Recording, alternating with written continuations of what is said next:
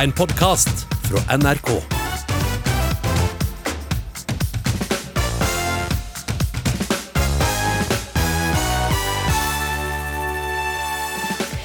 I dag er det 20 år siden verden fikk sjokk da to fly krasja inn i tvillingtårnene i New York. Alle var helt stille, og trikken Alt var helt sånn, det var nesten som om fuglene sluttet å synge. Sånn føles det. Og konspirasjonsteoriene om hva som skjedde, oppsto umiddelbart, forteller eksperten som kommer til oss. Flere stortingspolitikere har strukket seg langt for å få gratis pendlerleilighet. Ukeslutt var på visning i en av de tja, attraktive leilighetene. Kurant leilighet, for all del. Eh, ingen problem med det. Og så er det en lite sånn en eh, Det er kanskje ikke lov å si det. Røykeveranda. Hollywood-kjendiser oppfordrer til sexstreik som protest mot den strenge abortloven i Texas. Når systemet behandler kvinner som fødemaskiner, må alle virkemidler tas i bruk, mener samfunnsdebattant Kristina Frås. I dag er det altså 11. september, og det er 20 år siden terroren ramma USA. Været er i sjokk etter en rekke voldsomme terrorattak ulike steder i USA. We have unconfirmed reports this morning that a plane has crashed into one of the towers of the World Trade Center. Let's just get back. Get back. Ingen som nå vet hvor mange som er drepte, men det er trolig snakk om flere tusen døde mennesker. Ja, To kapra fly ble styrt rett inn i tvillingtårnene i New York med få minutters mellomrom. og Det var ganske uvirkelig hvordan hele verden kunne se på TV hvordan fly nummer to krasja inn i det andre tårnet. og Så kollapsa først det ene tårnet, så det andre. og Gatene og fortvilte mennesker ble dekka av støv og aske. Og Vi spurte folk hvor de var for akkurat 20 år siden. Da var jeg på jobb. Jeg jobbet på en eh, møbelbutikk nede på Skøyen. Og så ble sånn uh, skikkelig rar stemning. Uh, og du merket det på liksom folk som var utenfor og sånn. Uh, så vi fikk høre det. Fly Vi snakket litt sånn om det, de som var der. Og så var det Ja, du skulle hjem og sånn, så var det sånn Alle var helt stille, og trikken Alt var helt sånn. Det var nesten som om fuglene sluttet å synge. Sånn føles det. Jeg var faktisk hjemme i Volda, i Storhagen. Og jeg fikk med meg da det andre flyet styrtet inn i bygningen. Så det var jo en veldig opprivende hendelse. Hva tenkte du da når du skjønte hva som skjedde? Jeg tenkte herregud, hvor skal dette gå? Utenriksjournalist her i NRK, Tove Bjørgaas. Hvor var du denne dagen for 20 eh, år siden? Jeg var på jobb i Aftenposten. Jeg jobbet der da og opplevde akkurat det som han mannen forteller om her. Jeg så det andre flyet komme rundt det andre tvillingtårnet og treffe. Og det var et helt sånn sjokkerende syn. Og jeg husker vi tenkte, vi bare gispet, og så skjønte vi at det er ikke en ulykke. Og da bare Det var helt eh, ja, Det var rett og slett sånn forferdelig sjokk. Og jeg tror veldig mange fikk den følelsen. Hva er det Litt sånn som vi fikk på 22. juli. Hva er det, hva er det som skjer nå? Kommer det mer? Er, liksom, er, dette en krig? Det var en, et øyeblikk som jeg tror ingen som opplever det, glemte. Eh, og dette her satte jo i gang en global krig mot terror og, og uro i, i, Midtøsten. Men så har det også satt spor i hver enkelts på en måte hverdagsliv. Hvordan har det, hvordan har det påvirket det? Det, jo, det, første vi kanskje tenker på da, det er jo sikkerhet på flyplasser. ikke sant? Fordi eh, jeg, faktisk, jeg har laget en, eh, en podkast hvor jeg har intervjuet noen av dem som opplevde denne dagen i USA, som heter 11. september i krig og fred på NRK-appen. Og eh, en av de jeg snakket med der, han sjekket inn to av disse terroristene som altså styrtet disse flyene, eh, og fortalte om hvordan det var den gangen. Og det var en mye enklere innsjekking. Og den gangen så var det faktisk lov i USA å ha med seg en kniv på 10 centimeter inn på et fly. Og det var mye enklere sikkerhetskontroller. Dette ble det slutt på med en gang. Vi fikk jo sånne no fly-lister, folk som man skulle sjekke ekstra. Det ble etter hvert sånne bodyscannere på flyplassen. Men så ble det jo også et voldsomt eh, byråkrati, både i USA, men også her i Norge. PST eh, f.eks. De hadde jo aldri jakta på islamister før. Nå begynte de med det. Det ble veldig store byråkratier som skulle passe på oss og passe på sikkerhet. Og, eh, og, og det preger jo også vår, vår, hverdag. Mange følte at de ble eh, kontrollert på en annen måte enn det de ble før. Mm, og på flyplassene, altså alle disse posene som vi putter små væsketing oppi og, og sånn, sånn var det ikke? Nei, det var ikke sånn. Du gikk jo gjennom en, en, en metalldetektor, men den var mye enklere. Og eh, det var ikke noen sånn standard for hvordan den måtte være. Man hadde ofte en sånn liksom pinne som man liksom søkte. Disse terroristene ble også liksom skannet med en sånn hånd eh, håndholdt sånn skanner. Ja. Men som sagt, og en annen ting, hvis du er inne i et fly i dag, så er jo døra til cockpiten stengt cockpitdøra var ofte åpen. Hvis du hadde med deg barn på flyet, så kunne de komme inn og se. Ikke sant? Det, det, var, det er ikke lenger. Ganske annerledes. Eh, du har jo selv jobba og studert i USA og har tette bånd til, til, landet. Hvilke tanker var det du gjorde deg om hvordan dette ville prege eh, både din og min hverdag? En gang så, Jeg hadde akkurat flyttet hjem fra USA eh, noen uker før dette skjedde, og kjente en del folk som jobba i disse områdene på Manhattan. Så først så lurte jeg på om noen jeg kjente var blitt drept. Det var det ikke. Men, men det var jo eh, på en måte sånn slutten på uskyld. Sagt. Det, det, ble en litt annen verden etter dette. Eh, og så kom det jo i årene etterpå mange flere terrorangrep, også i Europa. Det var et i Spania der det var eh, bomber på mange tog og T-baner. I London var det et stort angrep. Det var da disse posene kom, for det var også frykt for at man hadde med seg flytende ting man kunne bruke. Det var altså til, til å lage eksplosiver av. Så, så det ble liksom mye mer ja, mye mer mikk når man skal ut og reise, og, og bare en sånn litt sånn uggen følelse. Eh, og så var det også slik etter hvert som vi har sett de, de siste årene, da, at f.eks. terrorister har kjørt biler inn i folkemengder. Man har forsøkt å etter hvert benytte seg av flere og flere metoder. Og hvis du er villig til å ofre livet ditt i en sånn aksjon, slik som disse 19 terroristene for 20 år siden var, så, så kan du jo få til ganske mye når du faktisk er villig til å dø. Du hører på Ukeslutt, og vi snakker om terrorangrepet i USA for 20 år siden. Angrepet er omspunnet av konspirasjonsteorier om hva enkelte tror egentlig skjedde denne dagen. Tove Bjørgaas, du er fortsatt her med oss, men vi har også fått med oss Asbjørn Dyrendal, professor i religionshistorie på NTNU. Og du har forska på konspirasjonsteorier. Vi hører folk stille masse spørsmål om dette. Hva, hva, hva dreier disse teoriene seg om? Nei, altså De som dreier seg om USA, de kan grovt sett deles i to. At er, myndighetene var involvert på et eller annet vis. Enten ved at de, det var de som egentlig sto bak, eller ved at de visste om det på forhånd og lot det skje for å uh, kunne få bedre kontroll over uh, befolkninga i landet. Så har du selvfølgelig en annen gruppe konspirasjonsteorier som kanskje er enda mer konsekvensbærende, nemlig de som involverer Irak og til og med Iran som, som potensielle andre, og som er en del av legitimeringa av krigføringa i Midtøsten. Men hvor spinnville er disse teoriene? Har de noen troverdighet? Nei, de har vel ikke noe sånn eh, videre troverdighet. Eh, det er ulike versjoner av dem. Noen av dem er fullstendig uh, ute i, i, i, landskapet.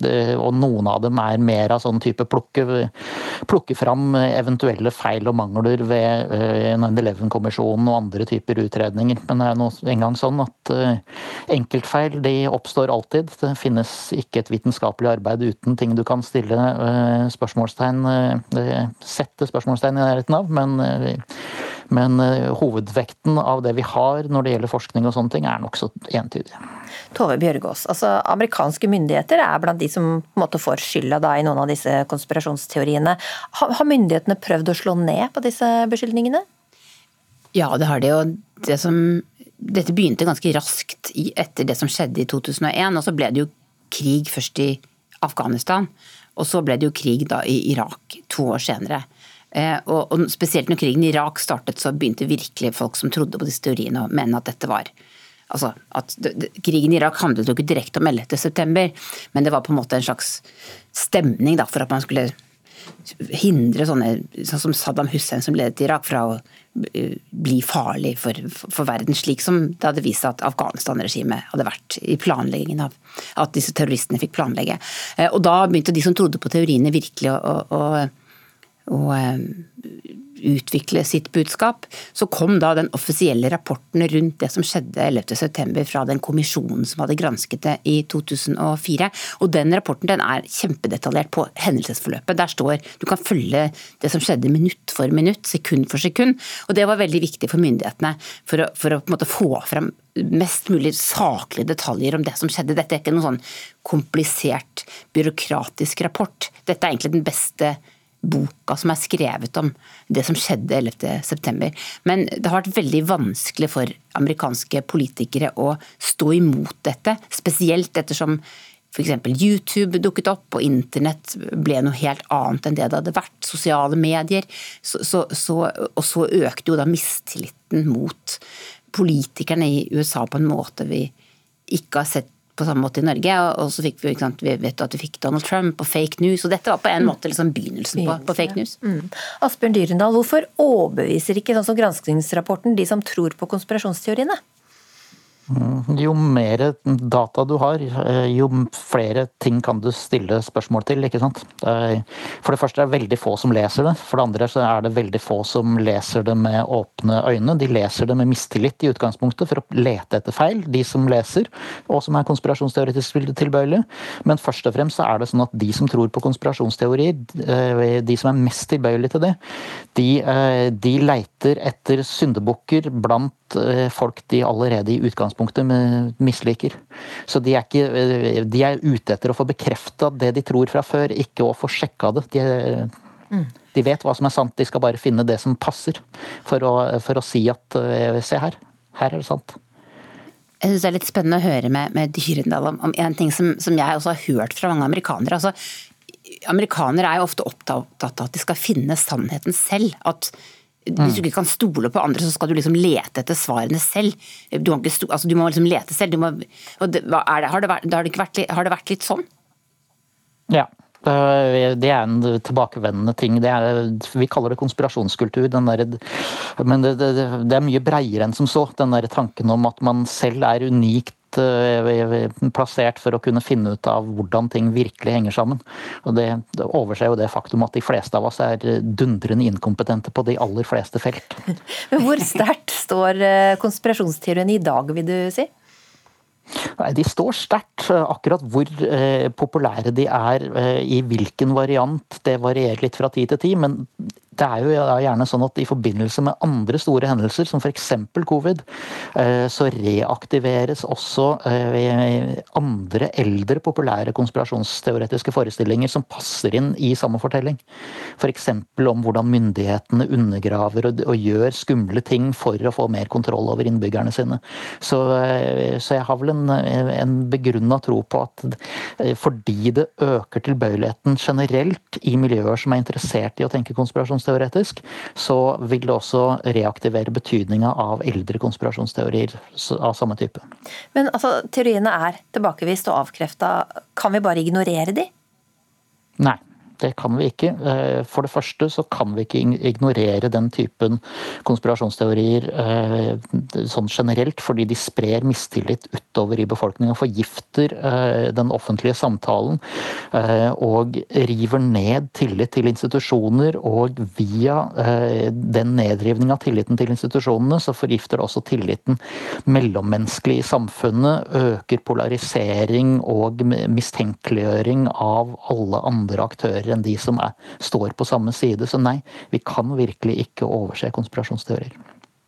Tusen takk, Asbjørn Dyrendal, forsker ved NTNU, og Tove Bjørgaas her fra NRK. Ukeslutt byr på flere historier i dag. Det er komplisert for mange utviklingshemmede å stemme. Det vil programleder Karianne Revheim gjøre noe med. Vi i TV Bra prøver å si i sendingen våre at det gjelder hverdagen din og hvordan du ønsker å ha det, og hvordan andre du kjenner, har det. Angrepet 11.9 ble også begynnelsen på en kjærlighetshistorie. En kjærlighet Nick og Diane hadde skyldfølelse for i begynnelsen. In the beginning, we felt guilty that we'd found so much um, happiness in, in the light of that such a tragic and disastrous time. Gutterommet hjemme hos mor og far har vært godt å ha for Kjell Ingolf Ropstad, og flere stortingspolitikere har vi fått vite denne uka. Med adresse hos mor og far har de kunnet nyte godt av gratis pendlerleilighet i Oslo. Men hvor attraktive er egentlig stortingsleilighetene? Ukeslutts reporter Philip Johannesborg tar oss med fra gutterom til pendlerleilighet. Ja, skal vi se her. Uh, Johannes evangeliet, kapittel 14, vers 2. I min fars hus er det mange rom, og et av disse rommene er gutterommet. Stedet hvor gutter blir menn og stortingspolitikere blir til pendlere. Stortinget betalte pendlerbolig og frie hjemreiser for dagens KrF-leder i ti år, fordi han oppga gutterommet på Sørlandet som adresse. Selv om mange rynket brynene over at Kjell Ingolf Ropstad fortsatt hadde gutterommet sitt som tilholdssted i folkeregisteret, så var ikke Runar Døving like overrasket. Eh, norske menn er som Jesus. De bor hjemme til de er 30, og hvis de gjør noe, så er det et under. Døving er sosialantropolog og har forsket mye på familie og hjem, og tilhørighet. Det er vanskelig å være politiker. Det handler jo om nettverk, det handler veldig om reiser, det handler om å opparbeide relasjoner. Og da er du ganske rotløs. Så jeg kan godt tenke meg at politiker, eh, når du får det mer som yrke, da, at du har veldig behov for en tilknytning også til dine egne foreldre, og at du derfor er hjemme mye. Og det kan man godt være til langt opp i 40-årene. Og hvis du etablerer deg seint, så, er det et veldig naturlig sted at du har, eh, at du har et ankerfeste hos, eh, hos, mor og far, selv om du er godt voksen. Det blir litt trist å ta farvel med mutter'n min, og særlig med ditten. Men så er det jo sånn i Norge at man at den um, atskillelsen fra foreldrene det tar veldig lang tid. Altså Mange flytter hjemmefra en periode og er, jobber eller studerer og kommer tilbake. og Da blir gutterommet ofte stående. slik at veldig mange steder rundt omkring i Norge så er det mange gamle museer av, av gutterom fra forskjellige epoker som har blitt stående fordi at nordmenn har ganske stor plass. Men det er mer. Ropstad hadde også eid en leilighet i Lillestrøm, akkurat innenfor Stortingets grense, for å få tilbud om en pendlerbolig. Hvorfor kunne ikke han bo der? Jeg tok en tur til Lillestrøm stasjon for å høre hvor ille det er å pendle inn til Oslo sentrum. Eh, er du pendler? Nei, jeg vil ikke kalle det helt pendler. Men det er Lillestrøm til Oslo. Det er vel en type pendling, men Det føles ikke så langt, i hvert fall. Ja, det er vel egentlig bare å sitte og, sitte og slappe av, høre på musikk, høre på lydbøker. Ja, Litt sånn grei start på morgenen. Tar ta litt tid å komme seg inn. Du kunne tenkt deg en bolig på Stortingets regning i Oslo, da? Jo, sånn så Det hadde jo ikke gjort noe, det. Det hadde vært veldig fint. Det skal jeg ikke stikke under en stol. Eh, hva tenker du om at stortingspolitikere har slike fordeler som pendlerbolig i Oslo? Du, Det syns jeg er veldig greit, for de er tross alt folkevalgte. Men en annen ting er at uh, hvis du har en leilighet i Lillestrøm, så kan du fint ta toget til Oslo, som tar ti minutter. Og Det vil du anbefale? Det vil jeg absolutt anbefale. Og det er kanskje nettopp derfor folk reagerer på Ropstads pendlerbolig i Oslo. Folkevalgte har nemlig visse privilegier som vanlige folk ikke har, forklarer Aftenpostens kommentator Andreas Slettholm. For det har nok vært en sånn eh, holdning om at eh, vi, stoler på, vi, stoler på, at eh, stortingsrepresentantene har god moral og, og ikke bruker ordninger på andre måter enn det som er hensikten og sånn. Men den, eh, den, tilliten har på en måte ikke politikerne vist seg helt verdig. Selv om selvfølgelig da de aller fleste eh, oppfører seg helt i tråd med regelverket og i tråd med hensikten. Du er jo selv fra kristen slekt, eh, Slettholm. Er dette brudd på det niende budet? ja, om at du skal ikke begjære din nestes eiendom, er det det, Helt det som er det? Ja, eh, nei, det Jeg liker ikke å sette meg mer til doms over eh, andre enn jeg gjør i min vanlige jobb som kommentator. Men jeg, jeg vet ikke. Det kan jo kanskje altså dette med at man skal hedre sin far og sin mor, jeg vet ikke om det kanskje kan spille inn her. fordi Ropstad har jo eh, holdt seg da formelt på gutterommet, og det kan jeg tenke meg at foreldrene hans har likt. Så i så fall så er det kanskje litt forskjellige eh, bud som kolliderer her. Nå som uken er gått, har flere stortingspolitikere fått smekk på lanken for å besudle pendlerordningen. Det er på tide å besøke ett av disse ettertraktede krypinnene. Hvor mange kvadrat? Du, Det har ikke jeg regna på, eh, så det får vi gjøre et sånn mer kort anslag. eh, For det har jeg ærlig talt jeg, Du, det veit jeg ikke. Arbeiderpartipolitiker Stein Erik Lauvås fra Ørje i Østfold viser gjerne frem herligheten på, ja, la oss si 65 kvadrat. Kurant leilighet, for all del. Eh, ingen problem med det. Og så er det en lite sånn en Det er kanskje ikke lov å si det. Røykeveranda. Ellers hvite vegger, kombinert stue og kjøkken, soverom med to dører og bad, en sofa, et spisebord og en vaskemaskin. Godt nok til sitt bruk. Du kommer hit som regel litt seint på kvelden, og så kanskje har du tid å se litt på TV eller slakke litt i sofaen. Eh, og så sover du jo, og så gjør du deg i ordning på morgenen, og så går du jo på jobb igjen. Eh, det er liksom stort sett sånn det har fungert. Og hadde det ikke vært for gangavstanden til Stortinget på tolv minutter, ville jeg nok ikke gått for et bud over takst denne gangen. Er det mye bråk og sånn fra naboer her, eller? Nei, det er stille. Ikke noe nachspiel eller noe? Nei. Nei, det er sjelden. Det er sjelden. Det har, ja ja, det, det har nå hendt, da.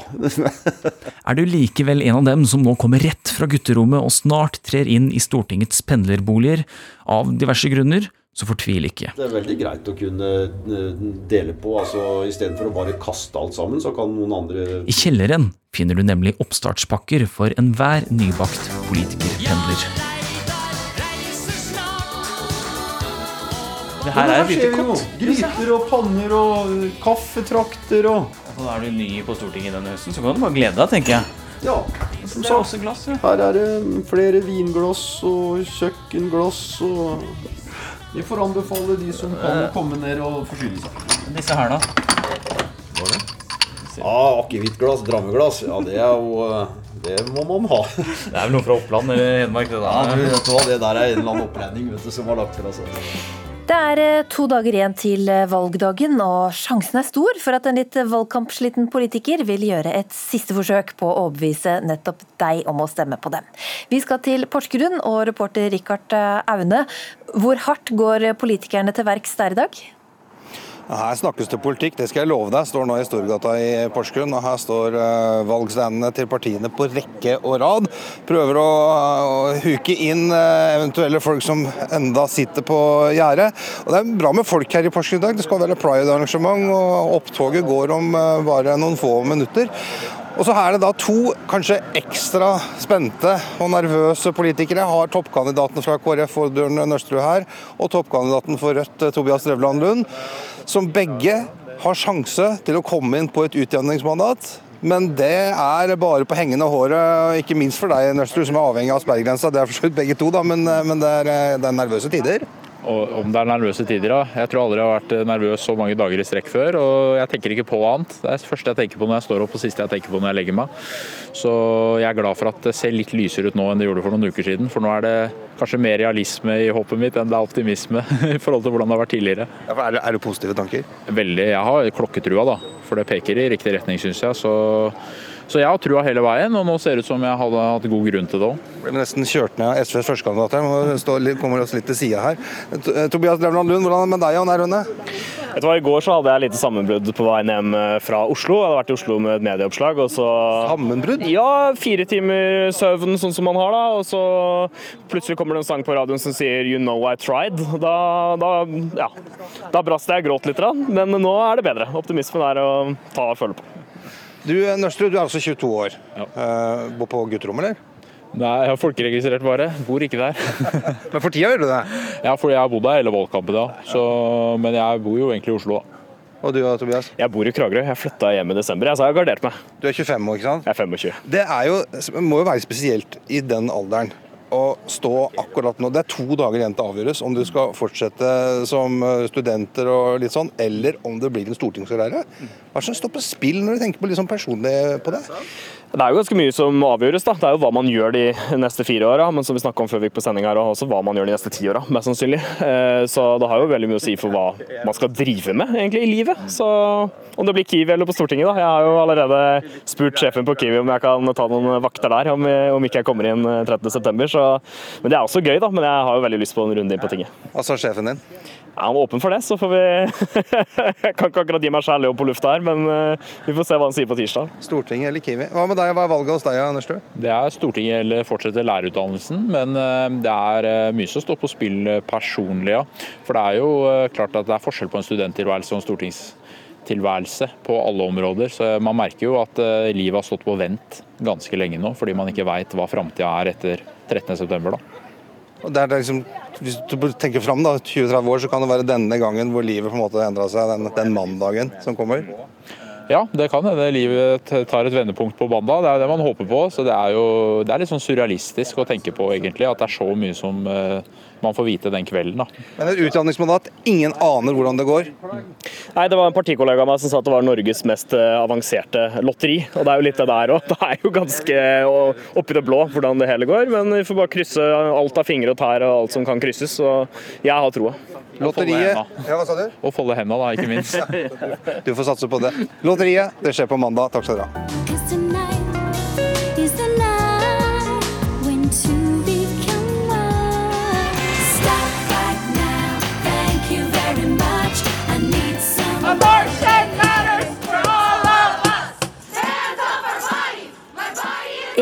Rekke Hollywood-kjendiser har protestert mot den nye abortloven i Texas, som forbyr abort etter uke seks, også der det har skjedd overgrep eller voldtekt. Skuespiller Beth Midler oppfordret kvinner til sexnekt helt til Kongressen gir kvinner friheten til å velge selv om de vil ta abort. Og nå har også Justisdepartementet saksøkt Texas for eh, abortloven. Kristina Frås, du er samfunnsdebattant og influenser, kjent i sosiale medier som Kirsebærhagen. Du har også engasjert deg når abortloven har vært oppe til debatt her eh, hjemme. Tror du det har noe for seg å sexstreike? Tror det har noe for seg å generelt bruke stemmen sin, om det er sexstreik, eller om det er en kampanje i sosiale medier, eller om det er flyers, eller om det er begge deler. Um, så tenker jeg at det er viktig å, si ifra. Og, så kan det jo godt hende at sexstreik er mer effektivt der enn det kanskje vi i, nymotens Norge kan se for oss at det ville vært her. Det er jeg ikke helt sikker på. Um, det viktigste er at man sier tydelig fra om at dette er helt absurd, og det er ikke greit. Og det er et stort steg tilbake i tid. Er det ikke like mye en straff til den som streiker, da? Jo, det føler jeg også. Eh, men samtidig så ser man jo her i Norge så er det jo mange som snakker om eh, å fødestreike for klima, f.eks. At man ønsker ikke å sette et barn til verden når man ikke vet om det er en verden å leve i. På samme måte så tenker jeg jo at man sier, man jo, altså et, man sier jo tydelig fra om at det er skummelt å ha sex, mm. når man ikke vet om man får helsehjelp dersom det går gærent. Så det er jo ofte at, en, en, ja, at det blir en straff for en selv da, når man skal si tydelig fra om noe. Så jeg er enig med deg i det, men samtidig kan det jo være virkningsfullt. Hva kan man håpe å oppnå? Jeg håper jo at siden hele verden nå raser, da, rundt dette her. At det faktisk kan ha en betydning. Um, jeg var jo veldig tydelig på det i 2019 når vi endret vår abortlov her. Eh, da sammenlignet jeg med en del stater i USA hvor man har mye mer konservative abortlovgivning. Eh, og da fikk jeg liksom høre det at du kan ikke sammenligne med det, det er så langt unna. Og så ser man jo nå den tiden imellom, fra 2019 og fram til 2021, så er det så mange stater i USA som får strengere regler. Du ser i Ukraina, og du ser i Ungarn, og du ser i Polen. Altså, det skjer så så mange steder. Um, så ja, det er ikke så langt unna. Mm. Filosof Einar eh, Øvrenge. Sexstreik det drev de med helt tilbake til ja, antikken. Det fins en kjent komedie Lysa Strata som tar for seg dette, og da sexstreiket kvinnene for at mennene skulle slutte å krige. Hva vil du si er forskjellen på det å sexstreike da og nå? Ja, Hvorvidt man sexstreiket da, er jo litt uklart. Man skrev i hvert fall skuespill om det. Aristofanes skrev et skuespill om dette her under Peloponnesekrigen for å få uh, Athene og Sparta til å slutte fred ble fremført i 411, det skuespillet. Eh, men den store forskjellen på kvinner da og kvinner nå, er at kvinner da hadde ikke adgang til et politisk rom hvor de kunne stå og fremføre argumenter, en slags offentlighet hvor de kunne delta i det politiske diskusjonen og være med å argumentere. Det kan dagens kvinner gjøre, og det finnes gode argumenter imot eh, den lovgivningen som har skjedd i Texas. Men det å liksom skulle ta til orde for en sånn sexstreik, det er på en måte altså dytte kvinnene liksom tilbake til det rommet hvor antikkens kvinner befant seg. og liksom dytte tilbake som nesten kjønnsobjekt og si at den måten du skal reagere på er som et, er som et kjønnsobjekt mot dette her, istedenfor å faktisk fremføre argumenter i et politisk rom. Men tror du de har noe å oppnå da, ved å, å ty til det grepet nå? Nei, altså For det så tror jeg det er rent sånn PR-messig, for det er jo ganske tøysete. for Det er all grunn til å tro altså Det finnes to veldig store drivere i amerikansk politikk. Det ene har second amendment, våpenloven, det andre har abort. Og Der er det kanskje like mange kvinner som, er, som er for en strengere abortlov som menn, og mange menn som er eh, for en ganske liberal abortlov. Så Sånn sett det blir det måte, ganske tøysete. Så jeg tror det er mer sånn PR-messig. altså Hvordan skulle dette skje? Men jeg tror egentlig rent sånn PR-messig at det kan slå litt tilbake. fordi, fordi istedenfor å si at ja, vi går inn i det politiske og argumenterer politisk, så liksom går man liksom tilbake til liksom kvinnekamp i revers, på en måte. Og kvinnefrigjøring i revers. Og sier at det er liksom som kjønnsobjekter. Vi skal liksom respondere på den problemstillingen der, istedenfor å si at vi gjør det som mennesker som fremfører argumenter. Ja, Men de har jo ikke nådd fram argumentene per nå, da? Nei, men det, er jo den klassiske politiske kampen. Da fortsetter man jo. Man fortsetter med forskjellig press osv. Det er et ganske sånn reaksjonært syn å si at det er sånn kvinner skal reagere når, når de er uenige. Kristina Frås, altså du, har, eh, du var inne på det, men du har selv brukt sterke virkemidler. Bl.a. et bilde hvor du sitter i en eh, blodig truse og holder i blodige strikkepinner. Hvorfor må det sterke virkemidler til? Ja, jeg vil også bare kommentere her at NR sier dette med kvinnekamp i revers. Jeg tenker nå litt at det er naturlig for meg å reagere hvis eh, systemet behandler meg som en fødemaskin, som er gammeldags. Eh, at man som kvinne har lov til å si men det nekter jeg å være med på. Nå eh, går vi bakover eh, inn i framtiden her. Det er kjempegammeldags. Eh, jeg ønsker ikke å delta. Så det går også an å se litt sånn på den, eh, den sexstreiken. Um, men altså, jeg mener jo egentlig ikke at jeg har brukt ekstreme virkemidler. Jeg har vist det som er sannheten, eller det som har vært realiteten for mange. Og den er eh, grotesk, og den er stygg, og det er det man vil ønske å unngå. Hvis det handler om å kontrollere aborter, da, så burde man jo heller kontrollere menn. Det hadde vært mer effektivt hvis det var det det handlet om. Hvis jeg, Kristina, kvinne med vagina, ligger med 100 menn i løpet av et år, så kan jeg bare bli gravid én gang. Jeg kan bare sørge for én graviditet. Hvis en mann med penis ligger med 100 kvinner i løpet av et år, så kan han sørge for 100 graviditeter og 100 fødsler. Takk skal dere ha, filosof Einar Øvringe og influenser Kristina Frås.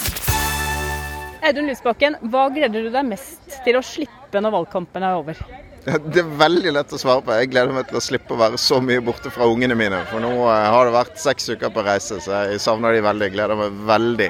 Jeg gleder meg aller mest til å slippe å gå ut av døra før ungene har stått opp. Eh, at jeg ikke får verken eh, fulgt dem eller henta dem i barnehagen, stort sett. Ja, partilederdebatten i går kveld var en av de siste kraftanstrengelsene for eh, partilederne. Og Markus Gaupås Johansen, du er komiker og kanskje en av dem som har forvirra velgerne på oppløpssida i NRK-serien Latterlig politikk. Var du så overbevisende som politiker fra Fremskrittspartiet at du vant P3s kåring? Hvordan syns du de ekte politikerne leverte i går? Jeg syns de var ganske flinke. Jeg. Og de er jo faktisk innimellom eh, morsomme og skarpe, de òg. Jeg hørte Lysbakken si at eh, folk på Østlandet har vært lei av buss for tog i en årrekke, mens eh, de i nord har tatt buss for tog hele livet. Det er jo en, en komikervits. Den kunne noen i Nytt på Nytt-redaksjonen ha skrevet. Til sammenligning da, så kan vi jo høre litt av deg som politiker. Vi vet at alle må kutte. Hvorfor kan ikke Norge vise vei? Ja, men altså, eh, Norge er ikke noen trendsettere. Vi må ikke lure oss sjøl. Hør, hør, jeg bare vil si, eh, Utlandet driter i oss. Vi er det eneste landet i verden som spiser brunost. Enda vi gir det til alle utlendinger vi møter. Hvordan føles det å få så mye skryt fra Frp for jobben du gjør i denne tulledebatten? Du, det er en seier, med, en seier med bismak, det må jeg jo innrømme. Fordi det er jo gøy å vinne og løse en ganske vanskelig oppgave som det er å skrive eh, eh, vitser fra et helt annet ståsted. Eh, for jeg er jo det, det partiet jeg er mest uenig med. Men samtidig så betyr det jo også at jeg har formidlet effektivt den politikken som jeg er veldig uenig med. Så det er eh, Kanskje jeg føler meg litt som en psykopat. Eh, eller advokat, kanskje. Litt sånn som Jon Christian Elden. han er veldig flink til å forsvare åpenbart skyldige mennesker. Kanskje han gjør det med et lett hjerte, men, jeg syns det er litt vanskelig. Jeg tror vi får gå over til Jens Kiel, du er politisk kommentator i Bergens Tidende. Eh, var det noe minnerikt ved gårsdagens partilederdebatt, syns du? Jeg syns jo at det var eh, veldig deilig å høre ni ganske slitne partiledere, egentlig. De gikk litt saktere, litt treigere. Du hørte på en måte at nå hadde de gitt alt, som er veldig fint. men også at eh, den overtenninga som de har hatt i noen andre debatter, var borte, og det var bra. Og så var det jo sånn når Guri Melby sier at eh, stem på oss hvis du mener at eh, næringslivet er en del av problemet, ikke en del av løsninga. Og så følger Erna Solberg i sin appell opp med at stem på et parti som ønsker å gjøre det vanskeligere for næringslivet. Nei, jeg mente ikke gjør det. Ja. Så tenkte jeg sånn Nå, nå er dere slitne nå. Stakkars. Og så var det et eh, øyeblikk fra tidligere i høst som du heller ikke klarer å glemme, da Fredrik Solvang spurte ut partilederne under Arendalsuka. La oss høre. Vi skal drive pekeleken. Jeg vil dere skal peke på den partilederen dere mener bør bli Norges neste statsminister. Og det er selvfølgelig lov å peke på seg selv. Klar, ferdig, gå, pek! Aha. Her må du fortelle hva det er som brenner seg fast hos, uh, hos deg, Enkil. Altså, dette er et øyeblikk for eh, historiebøkene, i hvert fall de historiebøkene som leses av sånne nerder som meg. Eh, fordi her får vi da høre, og da egentlig se, at alle partiene på venstresida eh, peker på Jonas Gahr Støre, og de som da står bortafor Vedum, eh, Bastholm og sånn, prøver liksom febrilsk å peke over og rundt han for å få pekt bort på Støre, mens Trygve Magnus Slagsvold Vedum står helt mutters aleine og peker på seg sjæl. Og det er fint og trist og veldig, et veldig ensomt øyeblikk, egentlig. En annen som eh, har gjort det overraskende godt i den eh, virkelige politikken, er han her. Lei meg. Lei meg. Jeg er selvsagt lei meg. Lei meg. Lei meg. Lei meg. Men det er unntak for stortingsrepresentanter. Lei meg. Lei meg. Men jeg er veldig lei, lei meg. Jeg er jo lei meg. Markus, denne hadde vi rappa fra dere i Satiriks, men hvordan var det mulig at han kom styrka ut av den litt pinlige avsløringa om at han hadde ført opp gutterommet på Sørlandet som eh, adresse for å få maks ut av boligstøtta til Stortinget? Ja, Du tenker på at han uh, går opp på meningsmålingene etter dette. Det, det virker nesten da som om religiøse mennesker liker å bli lurt. Jeg vet ikke om Det uh, Det er jo godt nytt for Jan Hanvold og andre religiøse ledere i, i Kristen-Norge. Kanskje ikke så veldig overraskende at uh, folk som har latt seg overbevise av en 2000 år gammel bok, liker å la seg lure. Jeg vet ikke om det er noe i det. Jens Kiel, formuesskatt det er jo liksom Høyres eh, banehalvdel, men eh, hvor godt uh, klarte de å få fram det?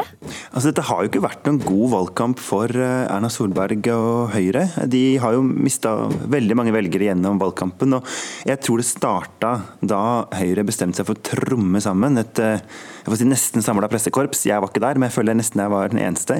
Ute på Frøya, denne veldig fine øya i Sør-Trøndelag, for å høre på Gustav Witzøe, som vel har en sønn som også heter Gustav Witzøe, og begge to er multimilliardærer, og som snakka om at nå nå, måtte, nå frykta de aller mest formuesskatten.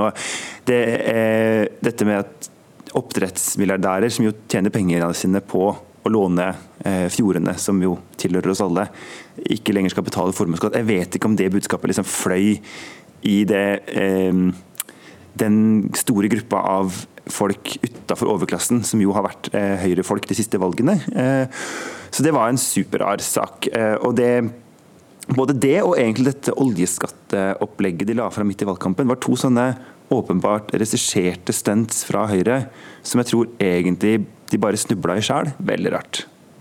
Markus Gaupås eh, Johansen, du minnes særlig Solberg og Støres møte med velgerne. Hva er forskjellen på de to i møte med folket? Ja, det, det, var veldig vittig å se de forsøke seg på en sånn amerikansk town hall. Eh, og da Støre prøvde jo så godt han kunne å gjøre sånn som de gjør i USA. At han gikk ut på gulvet mot den som stilte spørsmål, og møtte alltid velgerne med forståelse. Men Erna, når hun gikk ut på gulvet, så så det ut som hun skulle banke de spørsmålsstillerne. Og det, det, er særlig ett øyeblikk som var jeg la merke til. Det er en kvinne som snakker om at hun var for redd for å føde. Fordi at eh, det, det var tre timer til nærmeste fødeavdeling fra der hun bodde. Og Da svarte Erna med masse statistikk om at ja, det har blitt tryggere å føde i Norge. så det er greit å vite da, hvis det skjer noe tragisk med fødselen, at da har det gått bra for alle de andre fødslene i Norge. Det er ganske iskaldt. Eh, men det, samtidig så må jeg innrømme at det er en litt sånn skvær holdning at hun faktisk diskuterer med dem. At hun ikke later som hun er enig med alle som stiller spørsmål. Så Det var interessant å se den forskjellen. Mm. Jeg syns det var veldig ballsy, egentlig. Hun bare var sånn Vet du hva, eh, det er mulig at du føler det sånn, det kan ikke jeg få det meg til. Det, ja. mm, Ballsy det er og statskvinnetakter over det. Litt sånn Thatcher. Ja, men også litt sånn eh, eh, Apropos psykopat i sted. da. Det, det, det kan være du må være det for å være statsminister, jeg vet ikke. Men det var litt eh, skummelt. da. Jens eh, Kiel, alt i alt, eh, oppsummert, så syns du denne valgkampen har vært bedre enn tidligere valgkamper. Hvorfor det? Jeg syns at vi har fått prata ganske mye om politikk. Altså Det handla veldig mye om klima. Det handla om distrikt, det handla om forskjell, om tannhelse, eh, om eh, norsk eh, Altså det at vi har sluppet masse bomber i Afghanistan. Den type viktige spørsmål som man må diskutere, og ikke bare sånn sveisen til Erna, eller er Siv sur, eller eh, liksom Er det mulig at Støre hadde en vaktmester som leide et selskap som brukte en underleverandør som kanskje betalte svart da de kjøpte to pakker grus. ikke sant? Altså sånn, Alt sånn annet krams, krimskrams heter det faktisk. Eh, så jeg syns at dette har vært en, en ganske god og, og opplysende valgkamp. Og, eh, og, mitt inntrykk er at altså, vi i media får jo ofte veldig mye tilbakemelding sånn dere skriver bare om spill, eller dere bryr dere bare om ditt eller datt, eller jeg får ikke med meg hva partiene mener. Jeg syns jeg har hørt mindre av den kritikken i år. Og det kan vi jo ta litt sånn eh, ja, vi, vi tar så mye sjølskryt uansett i media, så jeg tror ikke vi skal ta den her. Da blir det blir for mye. Vi kan ta den med oss eh, videre til eh, nye valgkamper. Takk skal dere ha, komiker Markus Gaupås Johansen og kommentator i BT Jens Kiel. Som vi har snakket om eh, tidligere i sendinga, så er det i dag 20 år siden 11. september, da terroren rammet tvillingtårnene i New York. Men det er også et kjærlighetsjubileum, for Nick og Diane fant kjærligheten midt i alt det vonde som skjedde den dagen. Og det har det ikke alltid vært lett å snakke om. In the beginning, we felt guilty that we'd found so much um, happiness in, yeah. in the light of that such a tragic and disastrous and, time. Over 3,000 families lost a family member. Mm. Den ene fullfører den andres setninger. Sånn er det å snakke med ekteparet Diane og Nick Marson. I dag smiler og ler de når de forteller NRK om hvordan de møttes, men det tok flere år før de fortalte så åpent som det de gjør nå. Had, de har følt skyld over at de fant lykken pga. et terrorangrep.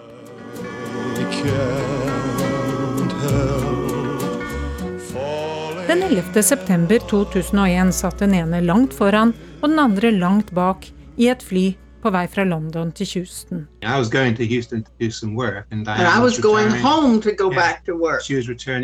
Men de kom seg verken på jobb eller hjem. 19 terrorister tok flere tusen liv den dagen Nick og Diane var på reise. De to, som ennå ikke kjente hverandre, visste ikke at luftrommet over USA ble stengt. For amerikanske myndigheter fryktet flere angrep. De flyene som var på vei, og som ikke hadde nok drivstoff til å snu, måtte få lande andre steder. På flyet på vei til Houston får de beskjed om at ikke de får lande i Texas. De blir omdirigert til byen Gander på Newfoundland, langt øst i Canada. Just an hour after the New York attack, planes started arriving in Gander. Planes are parked in every bit of available space. I den lille byen Gander er det en stor flyplass. Og som vi hørte canadisk TV rapportere, her landet 38 store jumbojeter. I løpet av noen få timer fikk byens 10 000 innbyggere 7000 mennesker på besøk. Men canadierne måtte forsikre seg om at det ikke var terrorister om bord. Canadian mounted police yeah, armed, in jeeps, armed, armed, armed guards patrolling around the planes, and that was very scary. Plus, I was very worried about my family in Houston. Mens væpnet politi patruljerte rullebanen, og mens myndighetene kontrollerte passasjerlistene, ble de reisende sittende og vente, i både 20 og 30 timer. Da trenger 7000 mennesker mat. Så folk i byen kom og leverte matpakker. Og andre kom med ting som bleier og morsmelkserstatning, eller nikotintyggegummi. That wasn't being used. There wasn't an oven that hadn't been turned on. I mean, they just... I Gander var bussjåførene i streik, men nå la de den på hylla. Flyfolket, som passasjerene etter hvert ble kalt, ble fraktet rundt. Nick og Diane ble kjørt i den lille nabobyen Gambo. We have 500 people here. We need pillows and blankets. Og mens innbyggerne i området samlet inn tepper og mat, fikk de to plass i forsamlingshuset til de lokale fiskerne.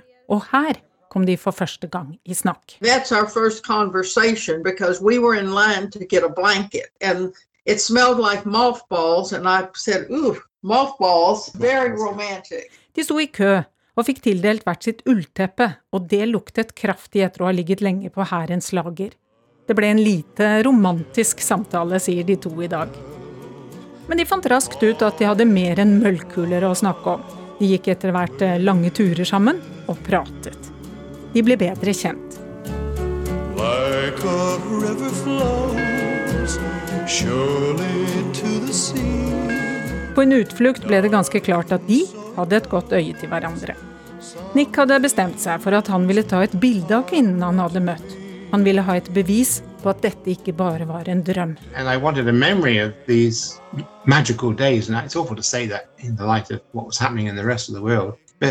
I wanted to, a reminder that it really happened. It wasn't just a dream, because it was like a dream. Da skjønte Diane hvor landet lå. That's when I knew he was interested in me and not the scenery. Yeah, I couldn't care less about the scenery. Så, etter fem dager i Canada var det klart for avreise. De to turtelduene var klar over at de hadde levd i en slags boble, men nå var det altså tid for avskjed. På bussen til flyplassen ville Nick gi sin nye venninne et trøstende kyss på pannen. I, I thought he missed, so I just grabbed him and gave him a big smooch because I thought this is my chance. If I don't do this now, we're going to get on the plane, everybody's going to go their separate ways, and we'll never see each other again. Så på flyet benyttet de tiden til å bli enda bedre kjent. På flere måter. Yeah, hugging and kissing and... A little bit more than talking, I guess. Flyvertinnen, som delte ut varme kluter til håndvask, la uten tvil merke til heten mellom de to. And uh, at one point after the meal, the flight attendant's coming round and she's going, hot towel, hot towel. And she gets to us and she looks and she said, cold towel. Men selv en kjølig klut kunne ikke dempe følelsene til Nick og Diane. Etter flere måneder der e-postene for over Atlanterhavet og telefonregningene ble høye, søkte den britiske ingeniøren jobb i oljebyen Houston. Bryllupet sto i september, året etter at de to møttes. Og bryllupsreisen? We married on September the 7th. We arrived on the 8th, and we stayed in Gander at the Hotel Gander in the bridal suite. Ja, den gikk til Gander.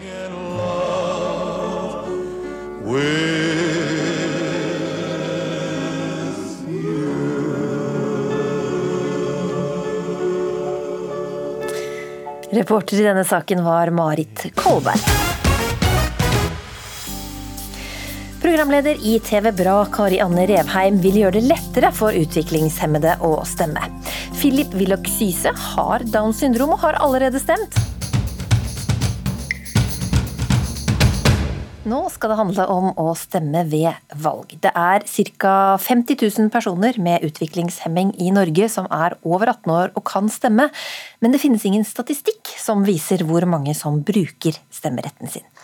Philip Willoch Syse, du har eh, Downs syndrom. Velkommen til ukeslutt. Takk. Har du stemt allerede? Det har jeg, gitt. Hvordan var det? Det, var, det går veldig, veldig bra. Hvordan føles det? Føltes det å legge din stemme? Jeg føler veldig bra. Så, ja. Så vi tenker på det. Hva betyr det for deg at du kan stemme? Ja, Det betyr at det er, for, for, for, for, meg at jeg ja, kan stemme av ting. Så ja, så det er fint for meg også. Mm. Og så har du to etternavn som er veldig kjente. Og du er altså barnebarnet til to tidligere statsministre fra Høyre, Jan P. Syse og Kåre Willoch. Er det lov å spørre hva du stemmer? Jeg stemmer for Høyre. ikke så overraskende. Det er ikke. Cecilie Willoch, du er mor til Philip. Ja. Eh, hvordan snakker dere sammen om eh, valget? Ja, vi snakker eh, litt om eh, samfunnet og hvordan det er satt sammen liksom, gjennom hele året, eller hele tiden. Ikke bare om det, men litt sånn forskjellig. Vi snakker om ja, hvem som bestemmer i dette landet. Hvis man lurer på f.eks. Ja, men det er ikke lov å kjøre så fort på veien. Av og til når vi kjører, så sier Philip det der, det kjører altfor fort. Og da kanskje vi snakker litt om ja, men hvem er det som bestemmer det? Så snakker vi litt om ja, hva gjør en statsminister? Det er ikke, ikke så veldig lett å forstå. Og så snakker vi ja, litt om om man kan komme i fengsel sånn hvis man er slem, eller hvem som bestemmer det. Litt sånn forskjellig. Mm. Mm. Hvor viktig er det at eh, også Philip får stemme? Ja, det er kjempeviktig. Vi er jo alle borgere i dette fine landet vårt, så det er klart at han skal stemme. Jeg har alltid stemt.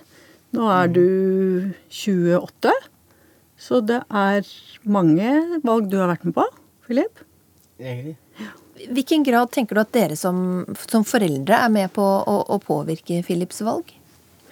Ja, det er litt vanskelig å si. Jeg tenker det viktigste vi gjør, det er vel å ha en sånn alminnelig samtale som åpner eh, ikke legge, ja, legge til rette for å åpne for at det, vi lever jo alle sammen i dette samfunnet. Og eh, hva det betyr. Hvem som bestemmer hva, og hva vi kan forvente av hverandre, og at vi er liksom sammen i samme lag.